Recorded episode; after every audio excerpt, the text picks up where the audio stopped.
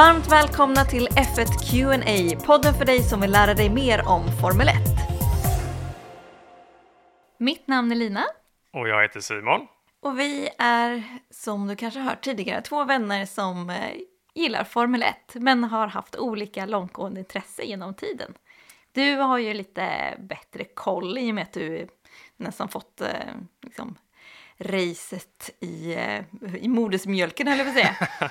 Medan ja. jag är ett nytt fan eh, genom Drive to Survive. Och därför så tar jag del av den kunskap du har genom den här podden. Kul! Ja, men det tycker jag. Jag lär mig massor i alla fall. Och eh, innan vi kör igång tänkte jag bara kika, hur mår du Simon? Jag måste börja med att vända den frågan. Hur mår du Lina? Det har hänt grejer. Det har hänt grejer. För, för exakt en vecka sedan satt jag och laddade upp eh, det veckans avsnitt på BB faktiskt. Medan jag väntade på att det skulle hända ännu mer grejer. Så det, det, var, en, det var en upplevelse. Ja, det kan man också göra. Stort grattis Lina!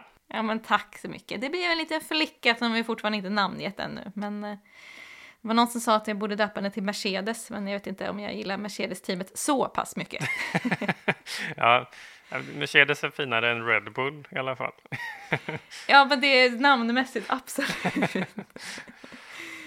Ja, det är härligt. Men vi ska inte prata om barn, utan vi ska prata om sprint och vad yes. sprint är för något i Formel 1. Så jag tänkte vi kör från början. Och ehm, är det här ett nytt påfund eller har det funnits tidigare?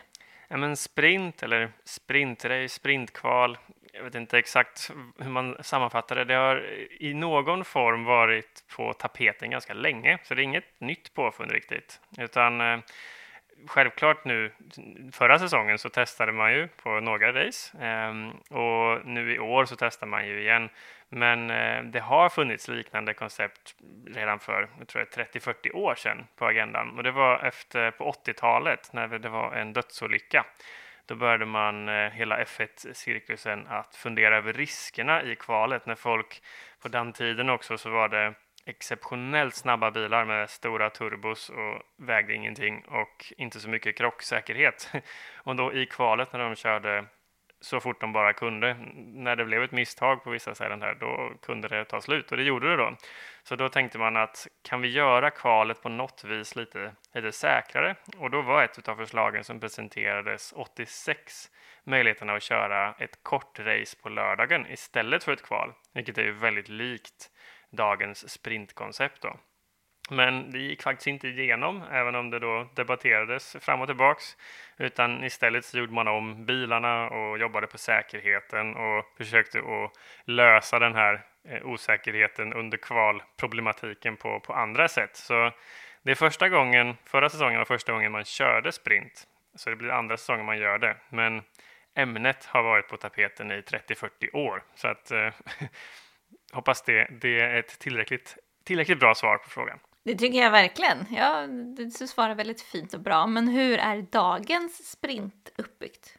Ja, men det är väldigt likt hur, hur det såg ut förra året, men lite små förändringar. Ehm, och hela helgen när man har en, en, en sprint i, i, i F1-helgen i Grand Prix är, eh, är annorlunda upplagd. Så att eh, på fredagen så kör man först FP1 och så långt är det ju samma som det är normalt sett.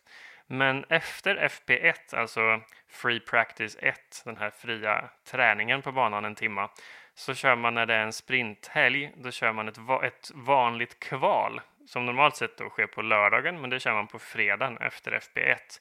Men det kvalet är precis som vanligt med Q1, Q2 och Q3 där man eh, kvalar, eh, får fram då startpositionerna för, för samtliga förare. Ehm, och sen på lördagen, då kör man en FP2 som normal, normalt sett då skulle ha körts dagen innan. Den kör man på lördagen. Och efter FP2, då kör man den här sprinten, eller sprintracet eller vad jag ska kalla det.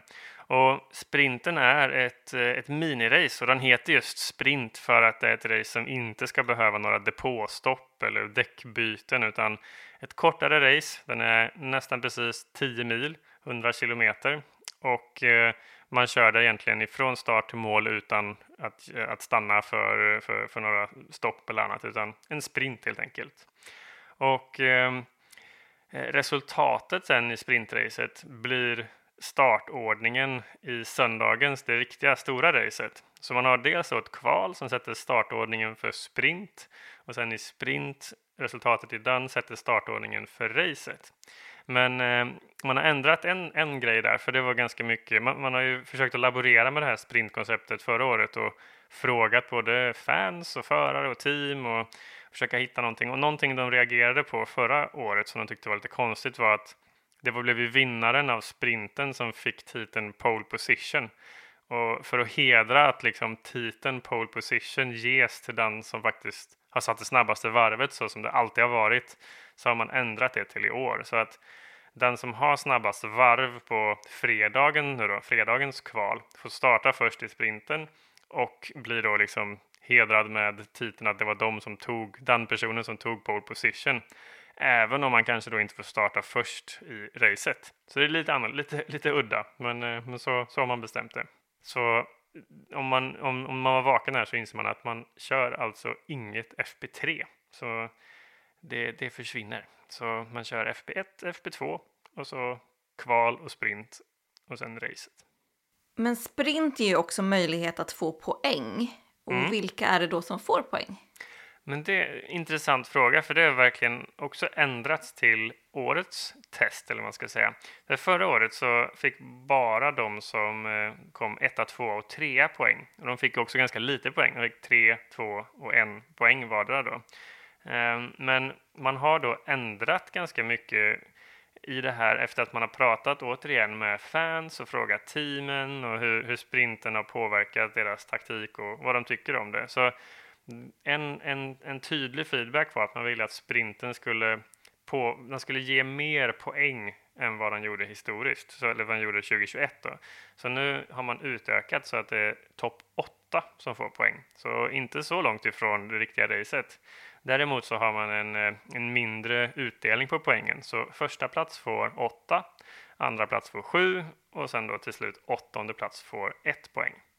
Så eh, topp 8 får poäng. Men varför är det att man har sprintrace ibland och ibland inte? Ja, men man, man försöker ju testa sig fram egentligen och, och ha den här dialogen med både fans och förare och team eh, för vad som funkar bäst. Så, för eh, det är inte så att de eh, F1 eller FIA verkligen är helt övertygade om att sprint är det bästa, men man är tillräckligt nyfiken för att ändå testa det här och ha dialogen och se om det här kan, kan, kan bli bra.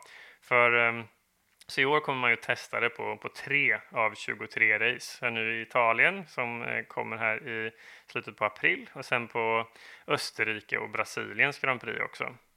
Men varför är det så att man eh, vill mixtra med ett inom citationstecken fungerande koncept? Ja, men det är ju kort och gott så är det att man faktiskt vill göra det roligare för oss, alltså dig och mig som, som tittar. Att eh, Eh, Eh, man vill skapa mer underhållning och mer spänning för fansen. Att, att fokuset kring ett, eh, ett Grand Prix, en racehelg, breddas lite. Att det inte bara är söndagens race som, som verkligen är, eh, är allt fokus som det nästan kan vara idag. Även om vi som är lite mer inbitna, vi gärna tittar på allting, så, så blir ändå väldigt mycket av fokuset för de allra flesta blir på racet. Så att med det här så kanske man kan göra för alla som har rest till ett annat land för att se ett Grand Prix till exempel. Så kanske det faktiskt blir mer underhållning och mer spänning i att det är att kvalet är på fredagen, sen så är det ett kortare race på lördagen och sen så är det ett stort race på söndagen. Så det är egentligen att man, man vill, man vill göra, göra det roligare för, för oss alla fans. Så eftersom det är anledningen och inte att det är någon säkerhetsfråga eller någonting sånt som det var för 35 år sedan när det diskuterades så är man ju också väldigt noga med att man inte byter alla race på en gång utan man kör ett test förra året och nu kör man tre race i år igen och försöker att, att samla in feedback från fans och jag gissar att de samlar in feedback från all data de har också på hur många tittare de har och hur spännande det är och biljettförsäljning och, och allt sånt också såklart. Så det är därför man, man försöker att mixtra så att säga med det här. Man ser helt enkelt om man kan hitta något som är ännu lite bättre utan att man vill liksom bara byta rakt av. Så vi kan egentligen förvänta oss att det kommer hända en hel del även till nästa säsong också, antar jag. Ja, men jag skulle säga att nu har vi inte kört något sprint i, i år än, så utfallet på de här tre racen här nu i Italien och Österrike och Brasilien kommer såklart påverka utfallet för nästa år. Antingen kanske man är väldigt nöjd och både team och fans och tittare är jättenöjda. Kanske man utökar det till fler eller byter över helt. Eller så blir det inte som man hoppas och då kanske man slutar att testa. Men det är någonstans omöjligt att svara på innan vi ser hur, hur, hur det faktiskt det går och hur det tas emot. Men eh, vilka team eller vilken föredrar mest nytta av att ha ett sprintlopp? Mm, på, på förarsidan där är det faktiskt lite svårt att, att säga. det beror lite grann på. Man, man kan ganska logiskt säga att för de som har bra fart under kval men lite sämre fart i race så, så, ehm, så kan det ju vara, vara bra för man kan kvala bra och sen så ha ett, ett kortare race där man kanske då kan plocka poäng utan att race, den bristande racefarten hinner, då, hinner då göra att man tappar så många positioner. Eh, och sen, motsatsen är såklart också sen att för de som har bättre fart i race men kvalar lite sämre så har de ju en chans att, att köra upp sig och starta lite längre fram än vad de hade kunnat kvala sig till. Men så det är en helt ny bil i år. Det är jättesvårt att säga. Så min förhoppning och vad jag tror är väl att jag tyckte inte man kunde se att det var, även på de tre testerna som var förra året, att det, att det verkligen gynnade någon specifik förare eller team. Jag tyckte ju att det var mer att det gynnade bästa teamen, så att det, det tar ändå fram de bästa. Så förhoppningen, kanske nu går jag lite off topic på vem det gynnar bland teamen, så är ju förhoppningen är att det ska gynna oss som tittar mest.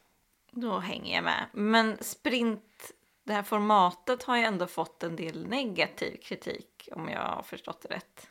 Ja. Har du något att tillägga där? ja, men det har väl varit väldigt blandat. Allt från att man, alltså förra året när man intervjuade förarna direkt efter så tycker jag väl det korrelerar mer mot de som har tappat positioner under sprinten. De har varit lite negativa och de som har tjänat positioner under sprinten har varit positiva. Men eh, det har väl kommit lite mer så här, eh, faktabaserade. Jag vet att eh, Perez hade en lång utläggning om att, eh, att FP2 då, som, som är efter kvalet innan sprinten, att den blir ganska meningslös där under en sprinthelg för man vågar inte slita på motorn, man vågar inte ta chansa någonting där för att det är så nära till att man ska, ska köra sprinten som då är ganska viktig. Så då, då blir liksom FP2 lite, lite meningslös. Um, men jag tycker det är mest så här, tyckande. Alltså, vissa gillar det och vissa gillar det inte. Och anledningarna är mer här, subjektiva. Man ska säga. Att jag, jag tycker att det, det, det, alltid har varit kval på lördagen och därför tycker jag det är dåligt att det nu är på fredagen. så att, eh, men det finns ju en också reell bit som är eh, intressant att titta på. Det är ju kostnadsfrågan också för teamen. Att det kan ju vara negativt för team, eh, om, speciellt om de har haft många krockar eller andra olyckor innan, så att de har lagt mycket pengar på att reparera bilen. För det är ju till race eh, där det är wheel to wheel och man tar risker eh, när man kör med andra bilar. Så att det är ju en risk att man krockar och kraschar och förstör saker på bilen eh, en gång till på en, en racehelg. Och skulle det vara på varje race så skulle det vara säkert ganska många mer krascher för teamen att ta hand om. Så där finns det ju en fråga. Är det, hur, hur ser den kostnadsökningen ut med sprint versus utan sprint? Och det är kanske någonting FIA behöver kika lite på antar jag, om ja, det ska bli en återkommande. Det går ju lite emot deras, alltså den nya bilen och hela reglementet kring den. Eh, där är ju liksom linjen att det ska vara mer eh, jämn ekonomi, att man standardiserar delar och att man sätter budgetcaps för teamen på hur mycket pengar de får lägga på sin F1-bil och F1-utveckling och, och, allt vad det innebär.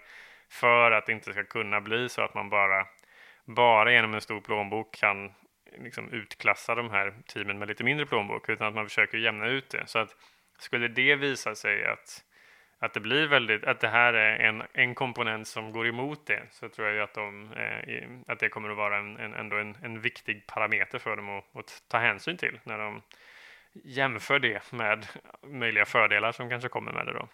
Så är det säkert. Men eh, tack så mycket Simon. Jag tycker att jag greppar mer om vad, vad sprint är för någonting. Och jag ser fram emot att få följa det under den här säsongen också. Den kommande, eller inte kommande, men under de här tre racen som är under 2022. Mm, där ja. vi får se sprintloppen på lördagarna. Men jag, jag måste säga att jag tycker att det, det är ju roligt. Alltså, det är ju för, även om jag förstår att det är många race i år med 23 race och att det är klart det är många race så är man fan så skulle man ju gärna se några fler race. Och med sprint så blir det ju faktiskt lite mer race. Så jag, jag gillar det ju ändå, själva underhållningsfaktorn av det hela, helt klart. Ja, och det håller jag faktiskt med dig om. För de veckorna det inte är eh, F1 eh, racehelg så blir man ju så här, jaha, vad ska jag göra nu då?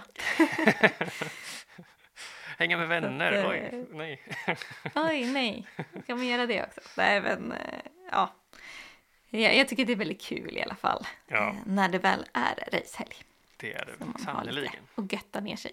Men tycker vi summerar det så där så vi tackar dig som har lyssnat. Är det så att eh, du har egna frågor gällande Formel 1 som du vill reda ut så kan du skicka de frågorna till oss så får vi se om vi gör ett avsnitt specifikt ämne om det eller om vi tar upp det i samband med ett eh, ämne som vi kanske redan har planerat att göra. Och då hittar du oss på F1QNA både på Instagram och på Twitter finns vi. Så fortsätt tipsa dina vänner om podden så hörs vi helt enkelt om en vecka igen. Kul! Tack så jättemycket. Ha det så bra. Detsamma, hej hej! Hej då!